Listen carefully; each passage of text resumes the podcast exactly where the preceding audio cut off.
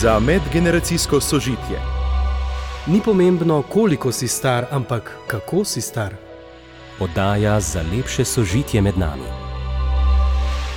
Znova je čas za pogovor s profesorjem, dr. gospodom Jožetom Ramovšem. Dober večer. Dober večer. Veselim se vedno znova srečanja z vami, posebej zato, ker z vsako vdajo se mi zdi, da se razširi tudi radijsko občinstvo, ki nama sledi in so tako hvaležni, ker te vdaje utirjajo v neki mirnosti, v preverjenih vrednotah, nagovarjajo, da smo bolj zauzeti za spoštljivost, za neko mirjen dialog in zato, gospod Jože, najlepša hvala tudi strani številnih, ki nas kličejo sprašujejo, zakaj oddaje niso pogosteje, ampak morda je prav v tem tista privlačnost. Če je česa preveč, lahko s tistim morda koga odvrnemo. Tako pa so naši namigi na mestu in potem poslušalci lahko sami raziskujejo in se tudi poglobijo tudi v svoj razvoj, delajo kaj na tem. Mi dva izhajava iz vaše knjige, ki je zelo obsežna, Sožitje v družini. Gospod Jože, to je knjiga, ki bo verjetno vedno aktualna, čeprav se bodo razmere v času in v družbi spreminjale. Kaj mislite? Ja, eh, najprej hvala lepa za tako lep odziv vam in poslušalcem, tudi meni večkrat, kdo kaj reče. Ja, hvala za tak lep odziv, spodbuden. Knjiga pa, zdaj ne vem, zdaj že štiri leta, bo tri leta, odkar je išla, je res debela, ni pa težka. Tako da, mhm. če na noge pade, ne gre nog dol, ker je iz takega reciklažnega papirja. In čeprav je čez 500 strani vsega, to bi lahko tri knjige, seveda, ni težka ne samo težka za fizično, ampak tudi vsebinsko. Ja. Ampak tudi vsebinsko. To so stvari, ki so vsakem potrebne. In sicer tale srednji del, ki ga mi dva največkrat se mudiva ob tem malonem naslovu, to so praktične, praktične izkušnje, pa sodobna spoznanja za tri področja sožitja. Prvo področje je pogovor, komuniciranje, pa ne samo z besedami, tudi obnašanje, pa z dejanji. Se pravi, to, če mu rečemo komuniciranje, občevanje, medsebojno občevanje, to je osnova. Ta drugi velik del tega srednjega dela so praktični napotki, izkušnje, pa spoznanja o vlogah. Očetovska, materinska, moška, ženska, starostna, mladostna, otroška, starostarševska in tako dalje. Vloge vloge, da človek sprejme sebe in da mu je koža prav. To je druga, drug važen gradnik lepega sožitja. Tretji važen gradnik, o tem je pa malo manj, je pa lepo, prijetno vzdušje med ljudmi. Vzdušje se menja, enkrat je nevihtno, grmi, dežuje, enkrat je sonce, enkrat je veter, to je res, vendar pa vzdušje imamo mi v svojih rokah, deloma in zelo vpliva eh, na nas, zato je to vreme v medsebojnih odnosih treba usmerjati tako, da je ravno prav vsega. Ravno prav. To je ta srednji del, ki na nek način je najbolj praktičen, pa se mi dva največ okrog njega mudiva, zlasti okrog komuniciranja.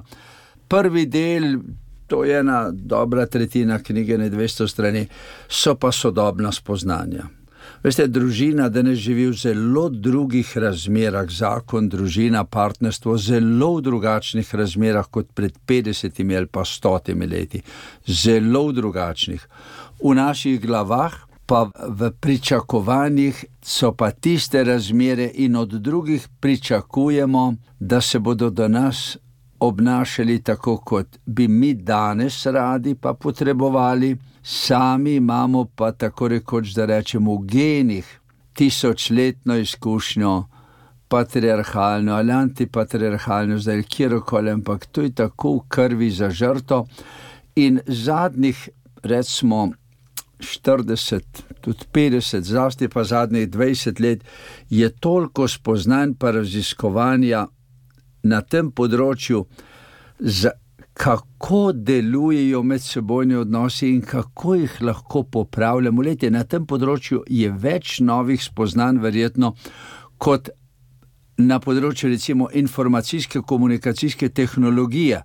Pa nihče več ne uporablja tistih telefonov, ki so bili pred 50 leti, ampak imamo pametne telefone, velika večina ali pa vsaj eh, žepne mobitele, Torej, to tehnologijo si posodabljajo. Tukaj gremo naprej, Ja. medtem ko z znanje pa spoznanje o komuniciranju, o sprejemanju, izvajanju svojih vlog v družini, službi in družbi, pa o oblikovanju vzdušja.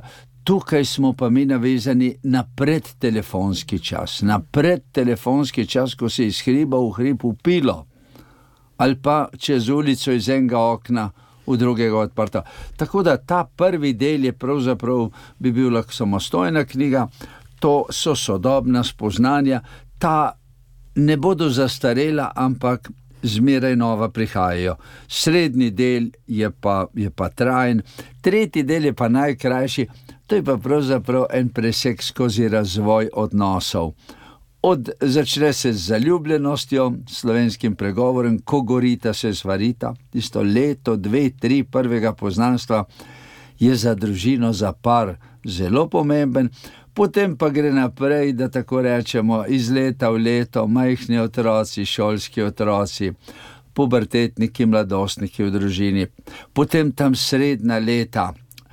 Srebrna poroka, recimo otroci, uh, počasi odrasli, samostojni študenti, in tako naprej. To je zelo važno obdobje družine, ko so otroci 18, plus, kot rečemo.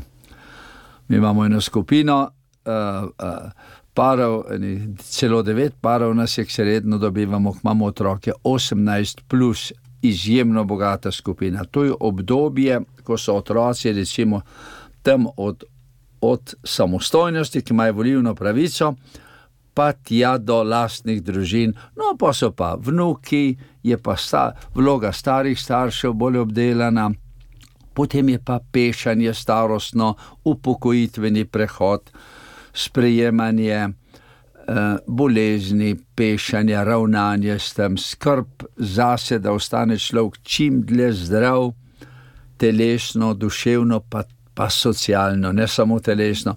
In potem, seveda, konec a, je pa soočenje z izgubo a, družinskih članov, starata, ponavadi najprej umre, in je potem spremljanje umirajočih, spominjanje mrtvih, življenje iz korenin, zakoreninjenost, to, kar danes manjka, zakoreninjenost v vekotrajne vrednote prednikov, iz katerih rastemo, da lahko nekaj naprej delamo, spoštovanje mrtvih, o mrtvih samo dobro, to imajo vse kulture, da, da in tako naprej. Ja, gospod Jože Ramovš, veliko je teh hotenkov in vsak se v določenem obdobju najde in je dobro, da čim prej začnemo zavestno odkrivati, v kakšnem obdobju smo, kakšni izzivi so pred nami, ker je nekoliko lažje potem tudi v vseh preostalih obdobjih, ki prinašajo svoj razvoj, svoje spremembe. Kaj bova danes? Kaj danes bova bova Kaj ste govorila danes pripravili? o nečem, kar, prav, kar pravzaprav uh, žlahtni in plemeniti vsako obdobje, od začetnih let pa do poznih uh, dni starosti. To so zlate besede Ulike. Vi ste jim v knjigi, o kateri sva govorila in iz katere izhajava sožitje v družini, temu namenili vendarle tudi kar nekaj strani. Poznamo jih, te zlate besede Ulike, pa vendarle včasih je človek kar žalosten, ko pa vendarle prepozna, da se v be- v besedišče zelo urivajo tudi neprimerne besede in kletvice in zasmehovanje in vse podobno. Zakaj ta val vedno znova spodriva to lepo besedišče, posebej plemenito in bogato slovensko? Ja, o oliki, o vljudnosti, zlasti v govorjenju, ste se danes namenili. Ker je ta razdvojenost tudi v družbi, Aha. in če nekdo ne misli tako kot sam, se zelo hitro oglasi jeza, neprimerne besede. Morda kot opomnik, da Točno. ko izgovorim grdo, izgubljam v prvi vrsti največ sam, ker se ja. S tem kažem, s takšnim grdim besediščem na vzven. Tega si pa nihče ne želi, ker vprašanje, če je toliko gnilega v posamezniku, ki izreče toliko gnilih besed. Ja, no, če smo zelo konkretni. Morda tudi vaša opažanja kot antropologa, socialnega delavca, tako zaverovanega v življenje z več plati. Ste šli že na čas takole, da je kako je pomešana lepo, vljudno govorjenje z neulikanim, surovim, zlasti na internetu, tudi skrito. Potem bi morda ta prispodoba kar prijala zlate besede. Glejte, zlato je nekaj, kar je redka kovina, pa zelo plemenita, ne rjavi in tako naprej, težo ima vrednost. tisočletno, kjer se najde in tako naprej. Vendar pa, če vzamemo, ko smo se rojevali, mi, ta starejši, je še bila zelo zlata podlaga denarja, so govorili, a ne denarja toliko tiskajo, kolikor ima država zlate podlage. To pa pomeni, da je le šlo za, uh, no, dobesedno za zlato podlago denarja. Danes uh, je, se govori tudi inflacija, tako rekoč skoraj ni več, ker je papir, pa še papir, ne samo virtualno poslovanje s številkami. Tako na nek način je ta prispodoba zlate, tri zlate besede ali pa štiri zlate besede, eh, prispodoba, ki hoče reči, to je podlaga vsakega sožitja in komuniciranja, zlata podlaga, in če je ni, potem je inflacija praznih besed, grdih besed in tako naprej.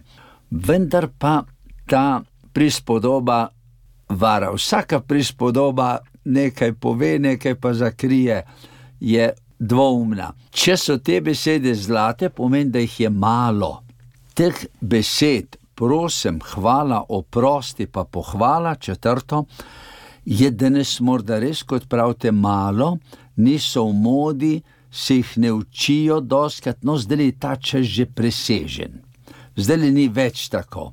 Je pa to bilo, recimo, tam zadnjih generacij, pa pol, tam nekje recimo od, šest, od konca 60-ih let, od te revolucije, spolne in tako naprej. Od tam naprej, potem pa še drugi vzroki so, recimo preseganje patriarhalne zmote, več vrednosti žensk, to pa pomeni otroci, ženske morajo biti vljudni, medtem ko možakarjem, gospodarjem, šefom, in tistim, ki imajo v rokah dosta dutev, tistim pa ni bilo treba biti nikoli vljudni. Tako da gledajte, ta zmota, da kdor je močnejši, tistmu ni treba biti vljuden, tistmu ni treba prositi, tistmu avtomatsko morajo vsi dati, tistmu se ni treba zahvaliti, tistmu se ni treba upravičiti. Ljudje na položajih so se v zgodovini malo upravičevali ali pa nič še danes je tako. In lete, ta zmota, da smo ljudje različno vredni, moški več kot ženske, to je bilo deset tisoč let. Deset tisoč let je ta zmota, to je največja zmota, verjetno človeštva, bila, ki je najdlje trajala, patriarhalna. In uh, zdaj te dve, tri generacije v 20. stoletju, zlasti po drugi svetovni vojni, se ta zmota zelo uspešno presega. Res, da je zanehala v drugo smer, antipatriarhalnost, to se pravi matriar, patriarhalno, matriarhalnost, doskrat, a ne sprav. Ekstremni feminizem ni nič drugega kot eh, patriarhalnost, obrnjena na minus prvo, ampak to so take eh, spremni pojavi, kadar se neka stvar uravnoveša, tako da ni nič posebnega. Vendar pa Eh, ker je bila vljudnost olika prošnja, zahvala, opravičilo, lastnost nižjih otrok, žensk, podrejenih, ne pa nadrejenih. Zato so zadnje dve generacije z odpravljanjem te zmote, da smo ljudje po dostojanstvu različni, da so boljši, več vredni, pa slabši, manj vredni, a ne kot ljudje, dostojanstvo. Tako da to, da je zadnje dve generaciji, tam nekje, recimo po 70. letu, to se pravi, zdaj bo tega 40-50 let, kar je ta moda bila, zdaj ni več. Zadnjih deset let se to presega, se uravnoveša, vendar pa zdaj le bolj v znanosti, v spoznanjih, v praksi, v medijih, pa ne. Glejte, elektronski mediji, družabna omrežja so tako polna grdih besed, pa ne ulike, ne zlatih, ampak pokakanih besed, tako polna kot nikoli nikje, ker je to možnost, skrita anonimna. Tako da to so valovi, ki pluskajo potem, ko je nevihta že menila. Blej pa nevihta. Nevihta je bila pa prava, huda in sicer to uravnovešanje desettisočletne patriarhalne zmote.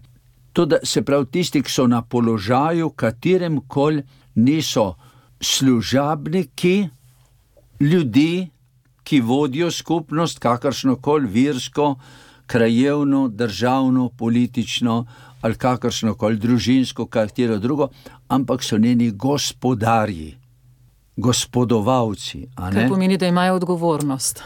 da nimajo odgovornosti toliko, ampak da imajo moč, da delajo, kar hočejo. Da delajo, kar hočejo. To je, to je bilo ogromno zlorab. To so objektivne stvari, ki jih ponavadi na tem desnem polu družbe, ki je tudi crkveno, pa desno, kjer cenimo tradicijo, jih ponavadi zamolčimo iz spoštovanja do preteklosti.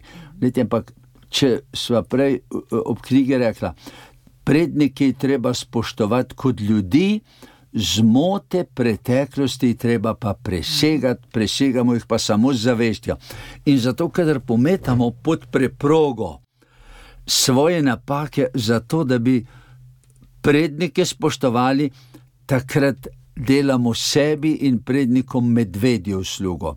Ker vsi tisti, ki pa mislijo, ki pa niso tradicionalno usmerjeni desno in ta pol je politično, savite, nič dalje močnejši. Ne v Evropi, ne nikjer, ampak mora zelo boriti se za pristnost. To je nepristnost. To je nepristnost. To je nepristnost tega dela, ki iz previdnosti, da ne bi na očete, na veljake iz preteklosti, ki so veliko naredili, osebno senca padla, ne govorimo o zgrešenih usmeritvah preteklosti, napakah, nehotenih. To so ne, letje. Ampak se je zgodilo, ampak prav je, da jih vzamemo. Tako se iz tega, kaj ne učimo tako, in tega ne ponavljamo. Tako, vse ne rečemo, ja, ta, ta, ta je ja, to delal. Ja. Pa, in do tega imamo je, zadržke in pospravljamo pod preprogo. Pod preprogo. Hmm. Se pravi, je... gospod Jože, najmočnejši je tisti, ki zna reči: Zmotil sem se, oprosti. Sam. Tako. Sam. Ja. Za drugega pa to ni dobro reči, razen kolikor smo v dialogu, osebnem iz oči v oči, za hrbtom pa ne, o pokojnem pa nikoli. O pokojnem pa nikoli, ampak o stvari. Leti, vse te izkušnje so bile v zgodovini vedno, ne? greh se pove, grešnika pa ne, je pregovora. Ne? To pa pomeni, da je zgodovina, tradicija naša vedla, da ne pometajmo pod preprogo grehov, ampak greh je dajmo na mizo in jih očistimo, presežemo, izročimo Bogu in drug, druga očistimo od tega, da ne bomo tega ponavljali. Tukaj malo, malo šepamo, in vsi ti vzroki, svojih par naštela, ne, vsi ti vzroki so v tem našem pubertetnem času pač tale. Malo se zapoznile puberteta naše državnosti. ne, ne gre za slovensko državo, pa puberteto naše države, Ampak gre za celo širše. razvito mhm. -huh. kulturo. Za te dve milijarde ljudi, ki nam je udobje, uh -huh. ki smo zelo v udobju po drugi svetovni vojni, ki imamo mir dolgoletni, nimamo vojne in imamo obdobje, se nam življenje zelo podaljšuje, zdravje zboljšuje, nam ne manjka ne hrane, ne obleke, ne toplote, ne, ne pohajevanja, ne česa. Lete, mi smo, to se pravi, generaciji, ki zdaj eh, še živimo, od baby boomerjev naprej po drugi svetovni vojni, pa že naši starši. Pa do danes na nek način preživljamo puberteto človeštva v udobju in v svobodi, ko na nek način kot pubertetnik svobodo zelo, zelo jemljemo za res, tudi svobodo za slabo, za razdiralnost, do narave, do vsega, industrijska, industrijsko uničevanje narave in uničevanje sožitja. Družin, gledajte, koliko, kako težko danes složno družino. Ta knjiga o tem govori, kako težko je naredimo v potu svojega obraza, vsak sam, tradicija, družba pa k temu ne pomaga veliko. Celo desna, ne toliko, kot bi lahko, če bi sledila sodobnim znanjem. To se dogaja, odgovornosti, to se pravi, ne sprejemamo toliko, sprejemamo pa svobodo. To je ta puberteta zadnjih dveh, treh generacij, ki se pa končuje. Sedanja mladina, tale, recimo, ki je rojena po 90. letu, da tako rečem, ki so zdaj le stari 30, 20, 30 let, ti ta prvi, ta mladina je odgovorna. Ta mladina ve, kaj je vredno. Ne govori tega, tako kot, je, kot, kot so govorili generacije njihovih staršev, to smo mi, pa dedov, babic, ampak to dela. Tako da recimo tudi. Ah, pošto politiko in drugo, ampak kažejo no, ampak je, trendi, ja. kažejo, gledajte, da mladi seveda se tudi zave, zavezdajo na internetu ali kjerkoli k neuliki, ampak kaže, da veliko več te neulike, tega svinjanja po internetu delajo. Moja generacija. Ja, srednja generacija, pa celo, da tako rečem. Pozni, mhm. srednje letniki. Ne pa to, ti mhm. mladi, pa mladosti, ki že nekaj zagrajo. Ja. Gospod Jožano, ker sami pravite, ne mladi, 30 let stari, 20. Če iz svojega opazovanja, po svojih izkušnjah eh, gledam, pritarjujem to, kar pravite, so tiho zadržani, premislijo, če se s čim ne strinjajo, to jasno povedo in nam kar nastavljajo ogledalo. Na nek način se včasih vprašaš, kdo jih je vzgojil, ker skozi množico napak, ki smo jih delali, vendarle pridejo takšni dobri sadovi. Ja, to je fino vprašanje.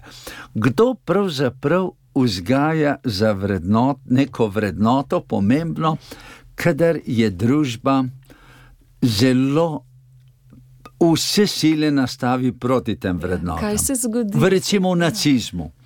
Ko je bilo toliko, ki je vse preparirano, bilo od filozofije, najvišjih filozofov, Heideggera, naprimer, pa do ta zadnje učiteljice, ta zadnje učiteljice, tudi v Ljubljani, ko so uh, prišle avstrijske učiteljice, pa druge. Frkle, 20 let stara, so mi pripovedovali, stari ljudje, ki so takrat v šoli med vojno bili, ki je pod Nemčijo bila takrat eno leto, dobro, 44 let. Kako so učili? Otroci, zdaj bomo pa zmolili oče naš, ki znate, ne slovensko, pa pa nemško. Daj nam danes naš vsakdanji kruh. In so otroci molili, pa je pa rekla, potem je pa učiteljica rekla: A ste lačni? Pa so bili vsi lačni. Jaz smo lačni. A ste dobili kruh? Nismo dobili. A ne? Ste še lačni, še lačni. Zdaj pa zaprite oči, pa bomo molili drugače. Führer, daj nam čokolado. So zaprli oči in so ponavljali: Führer, daj nam čokolado in je hitro nastavila košček čokolade na vse mize, odprite oči in je bila čokolada. Pojejte čokolado, Führer vam daje čokolado, ne bog. Glede, vidite, ideologije, zdaj sem en primer nacistične vzgoje mladih učiteljev v Ljubljani, 44 let, ko, ko je bila. Povedal vam, ko so mi ljudje povedali, da so to doživeli. Če pa vzamemo večje, večje kose, take recimo 100 milijonske.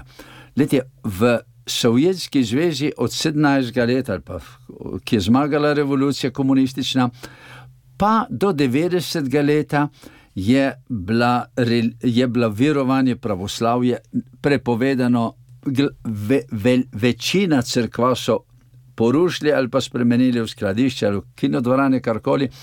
Pravoslavnih duhovnikov je bilo pobitih tako, toliko in tako naprej. Tako da, gledite, in vsi, mladi, sta, srednja generacija in stari, vsi so bili socializirani protivirsko, ateistično in so tako živeli in delali.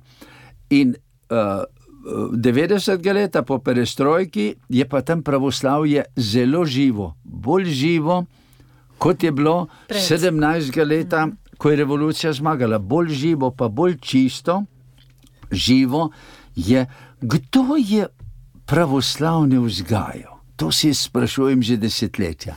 Kdo je ta sto milijonski narod, da tako rečem, kje so ohranili pravoslavje, ker pravoslavje ni, ni kako bi rekel, nekaj, neka fizična potreba, kot je po hrani. Človek, ki je lačen, pa pride do hrane, bo jedel, čeprav je ne vem, koliko časa stradal, ker je to nagon, ki ga imajo tudi živali.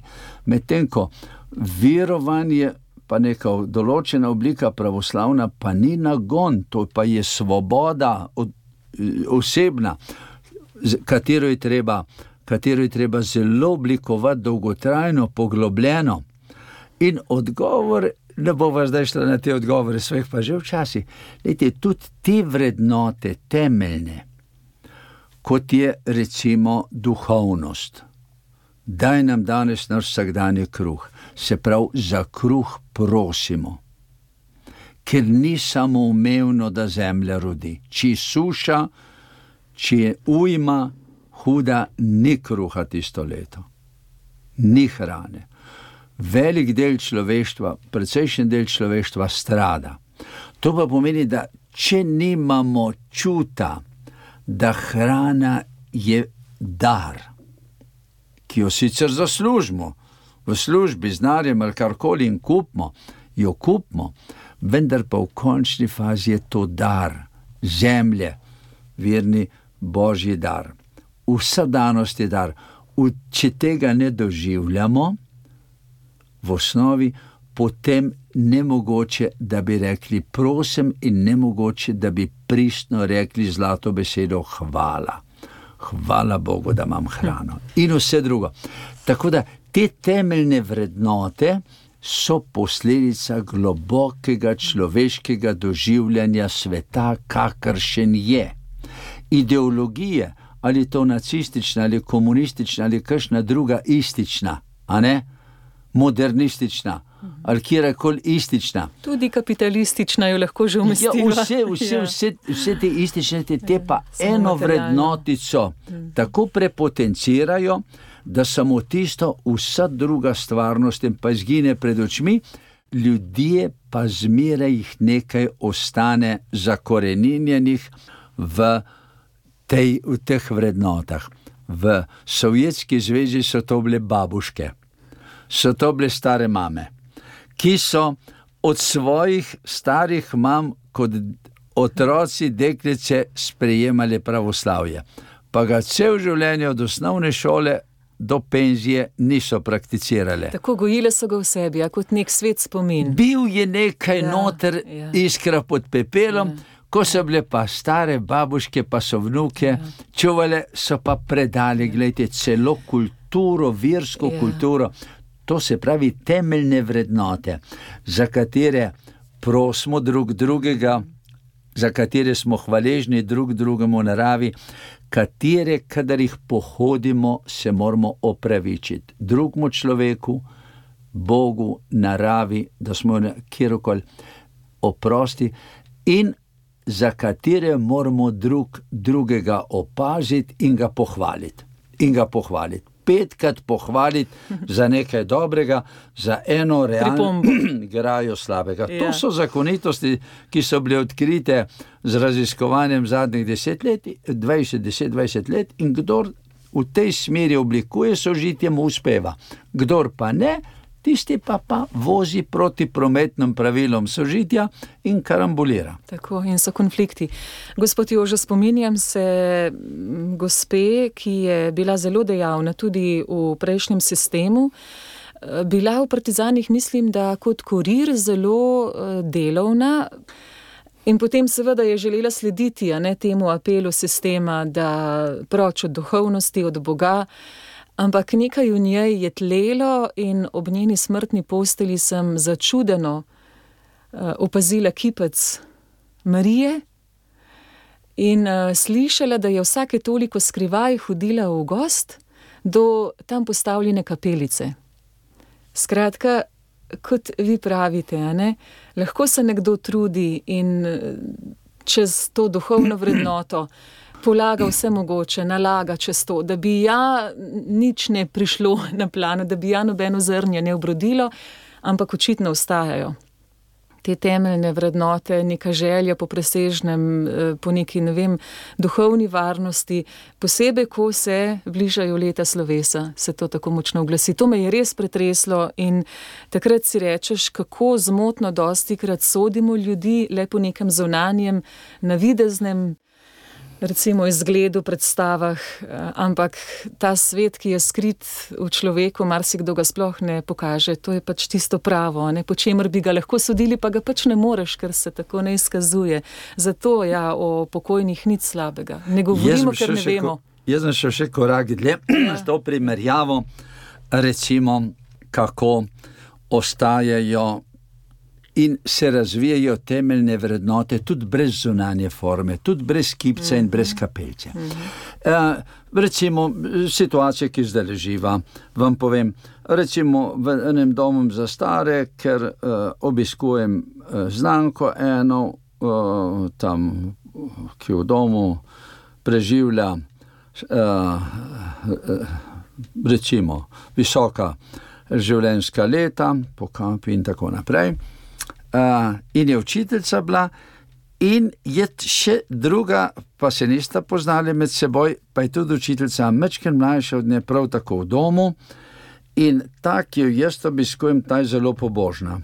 Zelo rada gre k maši in jaz ob nedeljah uh, grem, pa jo peljem, uh, potem greva k maši z vozičkom in tako naprej. Kakšno nedeljo me pa ni. Pa ne.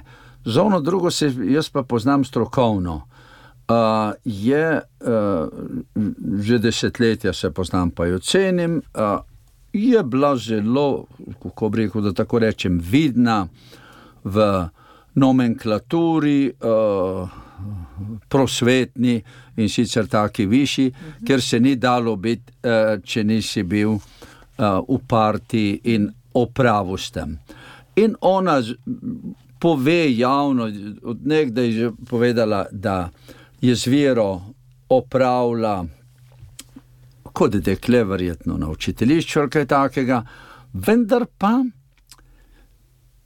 malo ljudi, ki pred kapelco molijo, pa imajo kipec marin, je tako širokih, pa spoštljivih do vere drugih in do vsega, kot je ta učiteljica.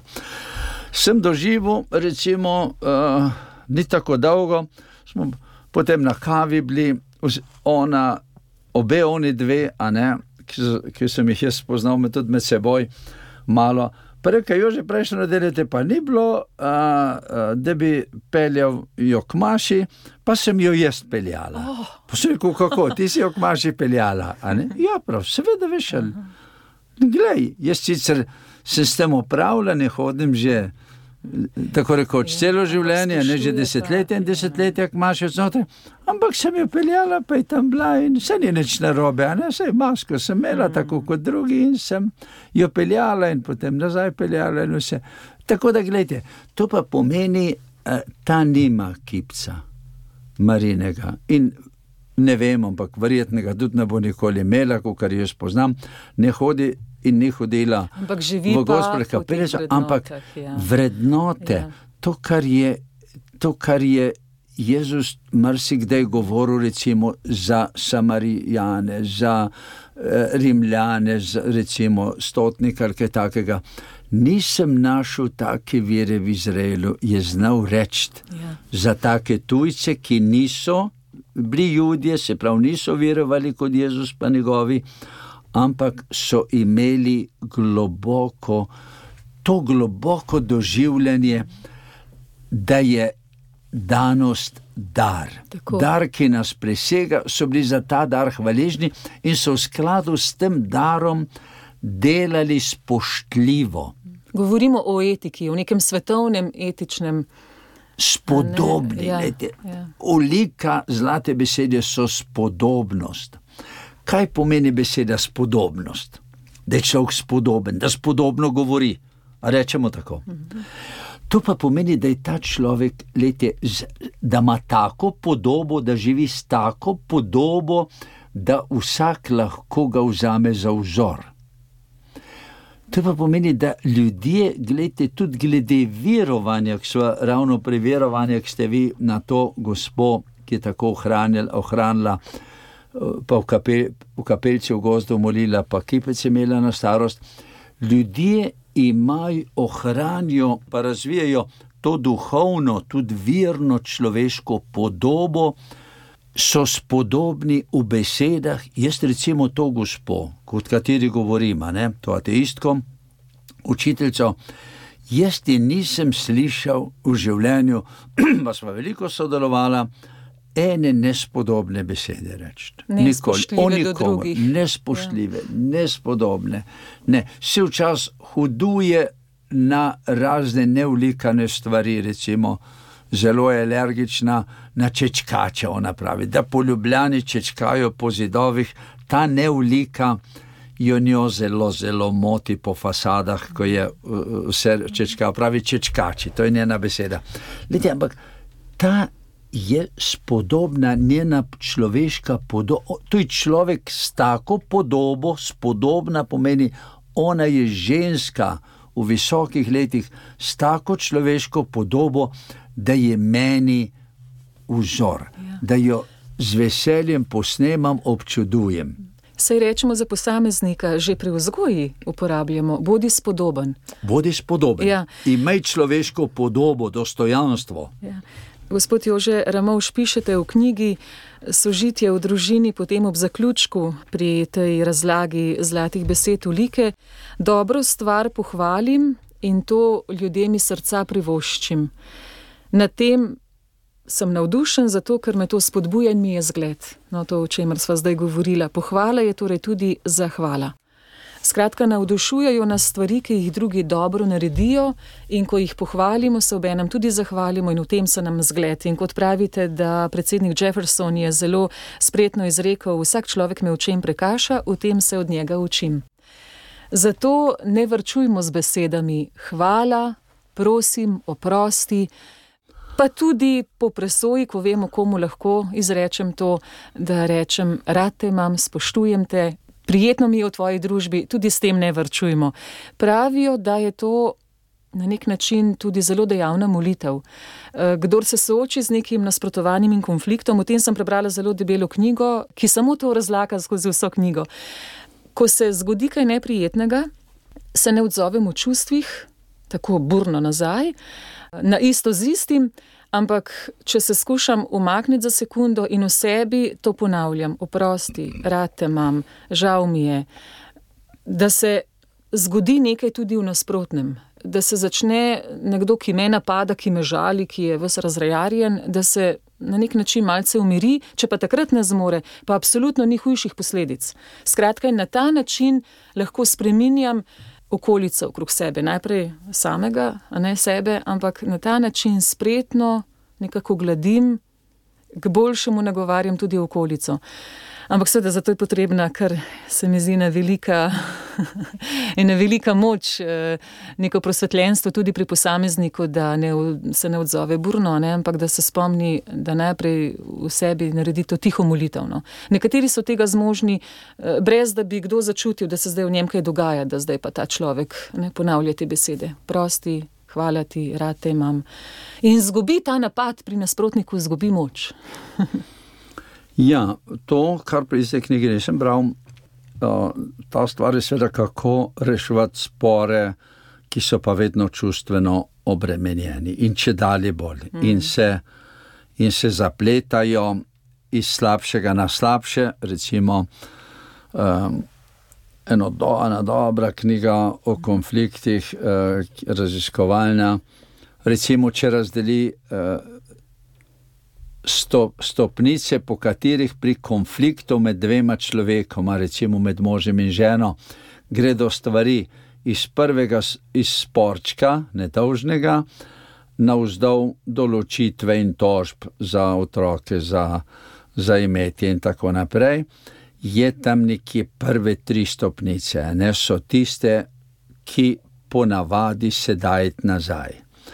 Ko ko od tam naprej, nekje ali pa recimo od polovice naprej, pa raziskave kažejo, v veliki večini primerov gre sta oba skupaj v prepad.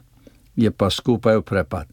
Zdaj le bo išla knjiga Lukasove pri Mohorjevi, o reševanju konfliktov, njena monografija, to bo 15. ali 16. knjiga prevod Lukasove, govori cela knjiga o njenih 40-letnih izkušnjah, to, kar ste vi sprožili, reševanje konfliktov in sicer prav tega, kje svoje čustva doživljanja lahko obrnem.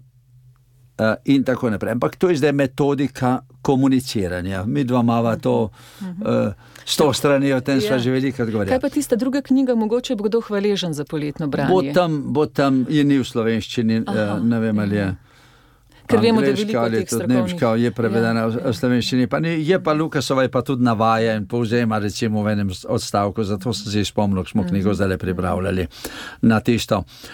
To, kar pa ste vi rekli, molitev.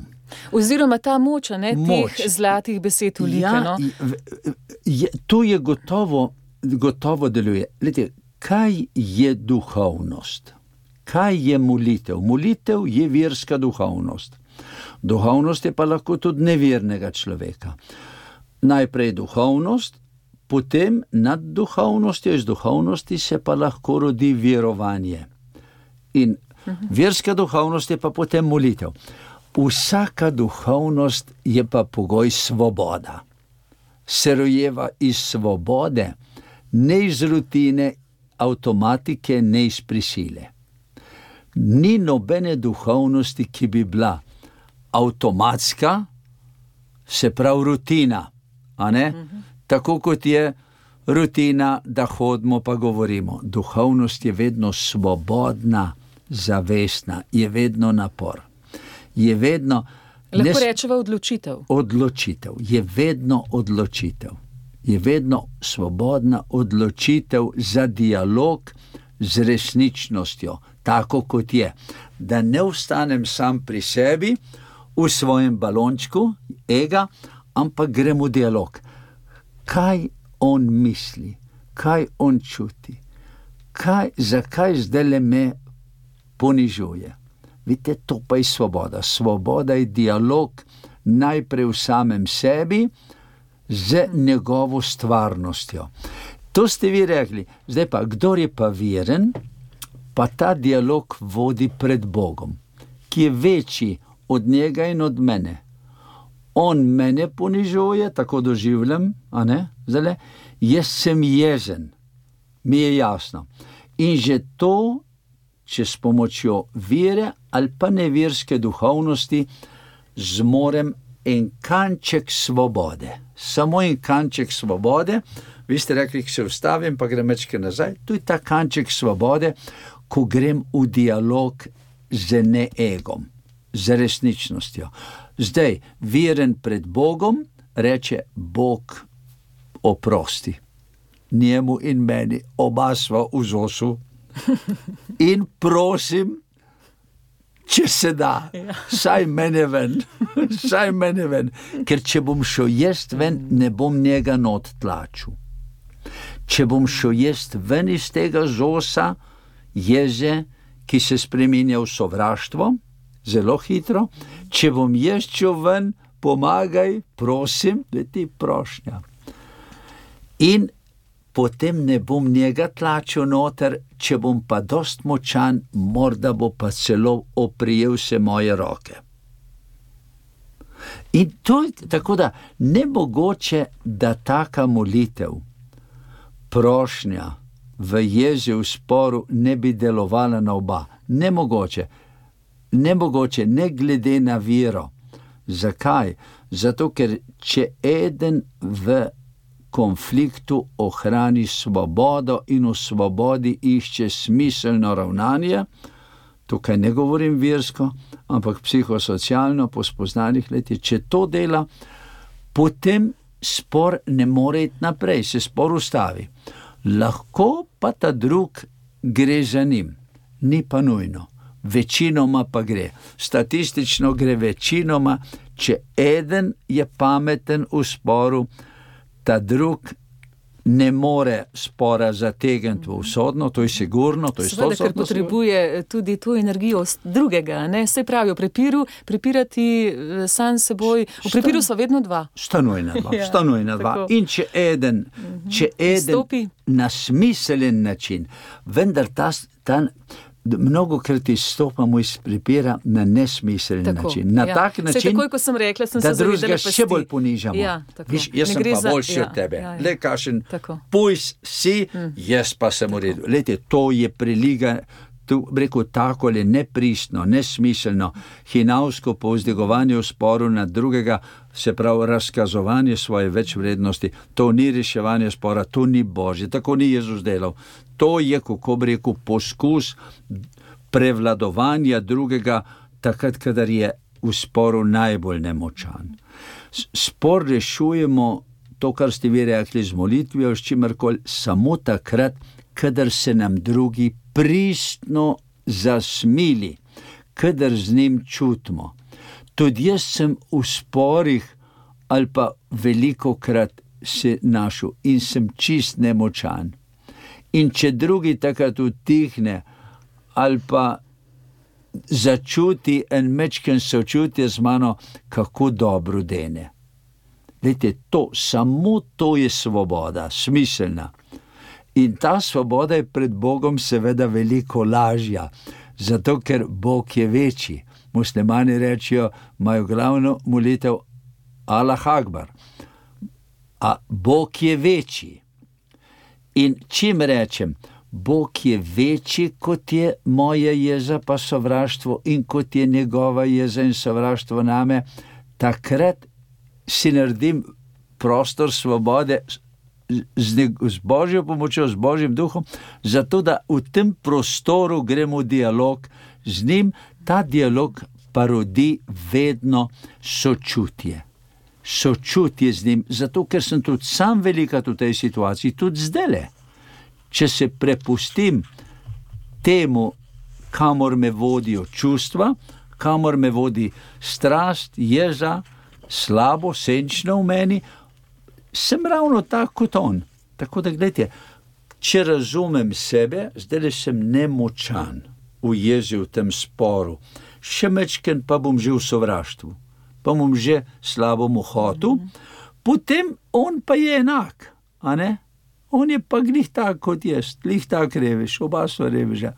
In če jaz v svobodi, ali zdaj z duhovnostjo, virsko, ali brez nje, do tega pridem, gledajte, to vpliva na njega. Tako da to ste zelo, tak njega mora biti. Moč teh zlatih ja. besed ulike je, lahko rečemo, nepredstavljiva, nemerljiva. Nemerljiva. Ja.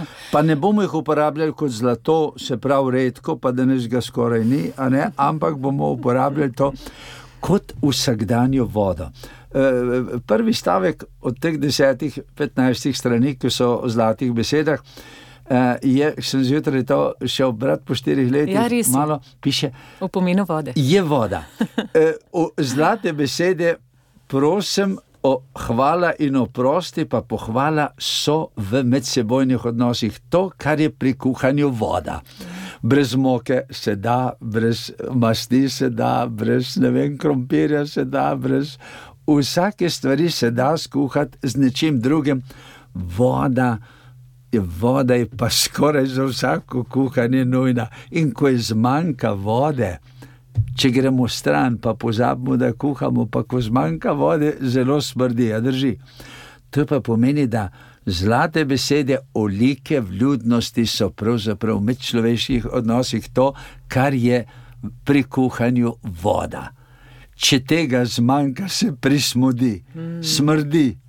Po No, ja. celi kuhinji in Ja. potem odpiramo okna, pa ne vem, kaj, kaj naredite, kadar se vam prismodi. Kljub temu von ena primes ostaja še nekaj časa. Treba ja. je dati, pravijo, treba pa res pomaga. Na, na plato čebulo, par rezin Aha. čebule.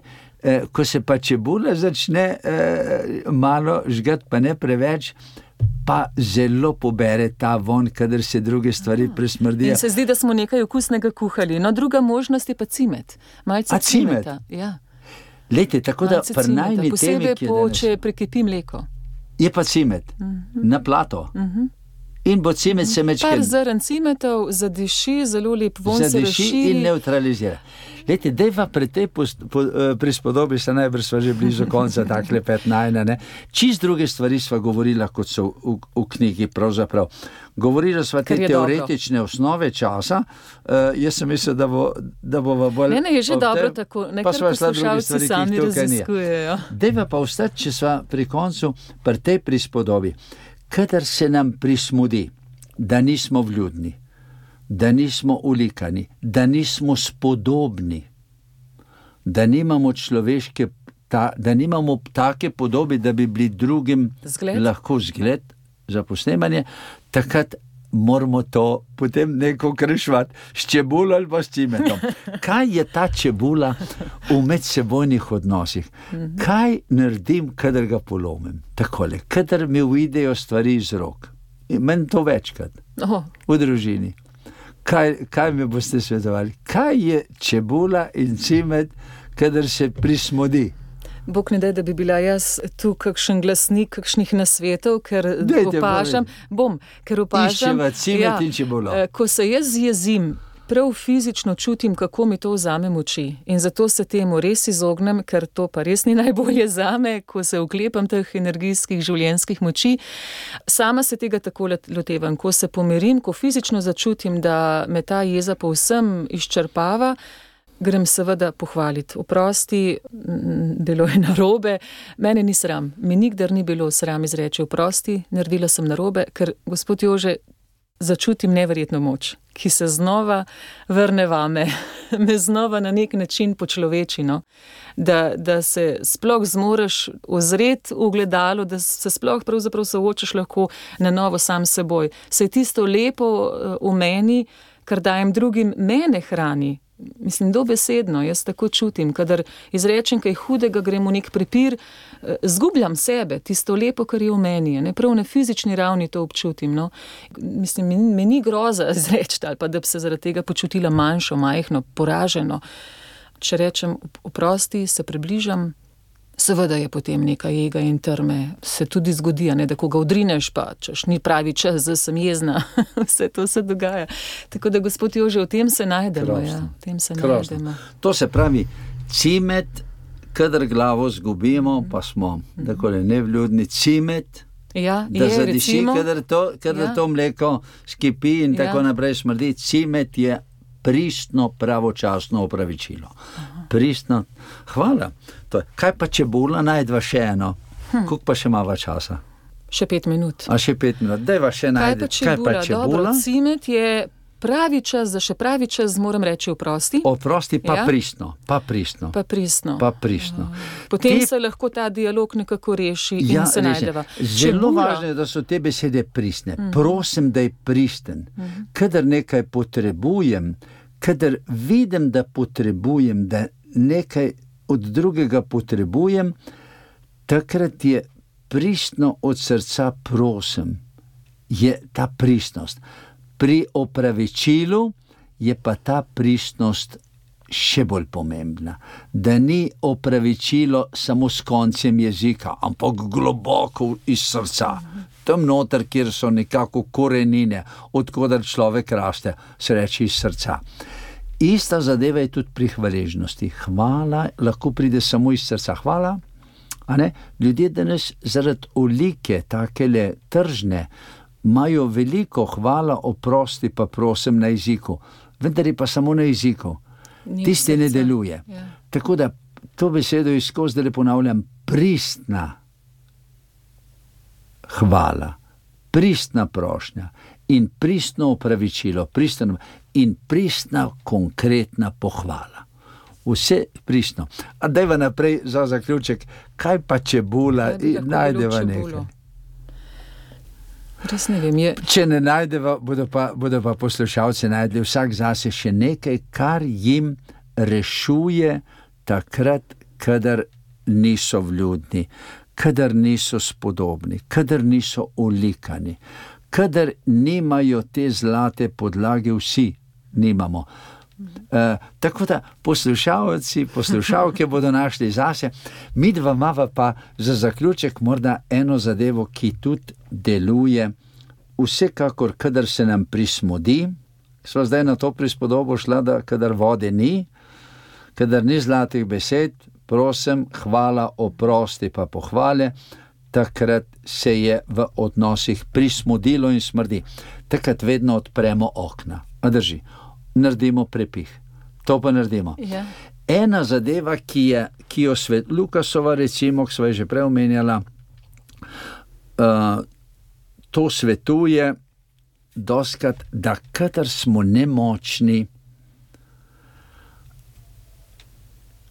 gremo, naredimo distanco, hmm. gremo stran. Človek ni Bog. Človek ni Bog, čeprav je verjetno glavna kolektivna bolezen človeka, zdaj le psihoso, psihosocialna ali pa eksistencialna, bivanska v današnjem razvitem svetu, kompleks, da smo Bog. Da smo vse mogočni.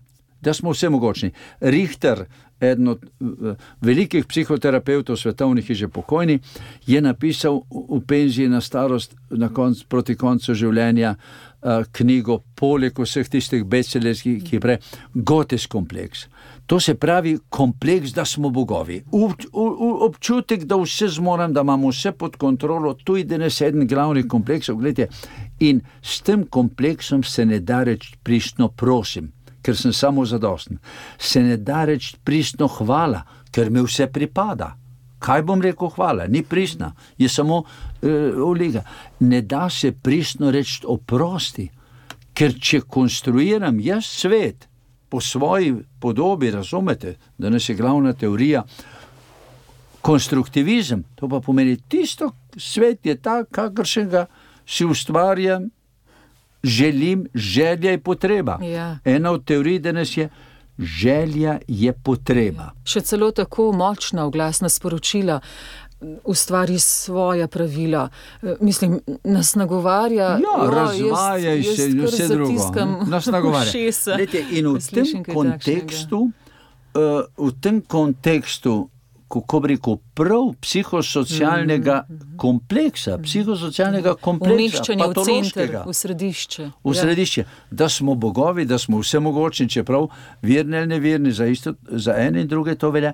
Lete, v tem kontekstu se ne, ne čutimo potrebe, da bi rekli, v marsičem sem pa nemočan. In če sem nemočan v odnosih, včasih, Lukasova pravi, kadar sem nemočan, takrat se umaknem vase, v samoto, grem stran, rečem drugim, oprosti, zdaj le moram imeti malo stran, grem na sprehod. In na ta način omogočim, grem da v tem brat. odnosu prezračim, da je nekaj prezračim. Vidite, to ja. je ta prezračevanje. Ja. Recimo, da je ta to stvar čebulje. Ne recimo temu beg. Ja. Beg je beg, beg je to, da ne bom tega reševal. Če pa rečem, grem stran malo, grem na sprehod, grem nekaj prebrati, grem moliti, samo sebi rečem, to, kar ste vi prej rekli. Lede, v tem primeru pa pomeni zatohlo vzdušje, nespodobno mhm. vzdušje, smo odprli okna in vrata in prišel bo nov veter, nove razmere, jaz se bom nekje shladil malo, a ne. In zmogo stvari videti drugače. In ko se bova čez četrt ure, čez deset minut, čez pet minut ali pa čez pol dneva spet srečala, bova se nasmejala, takrat bom pa morda lažje pristno rekel oprosti.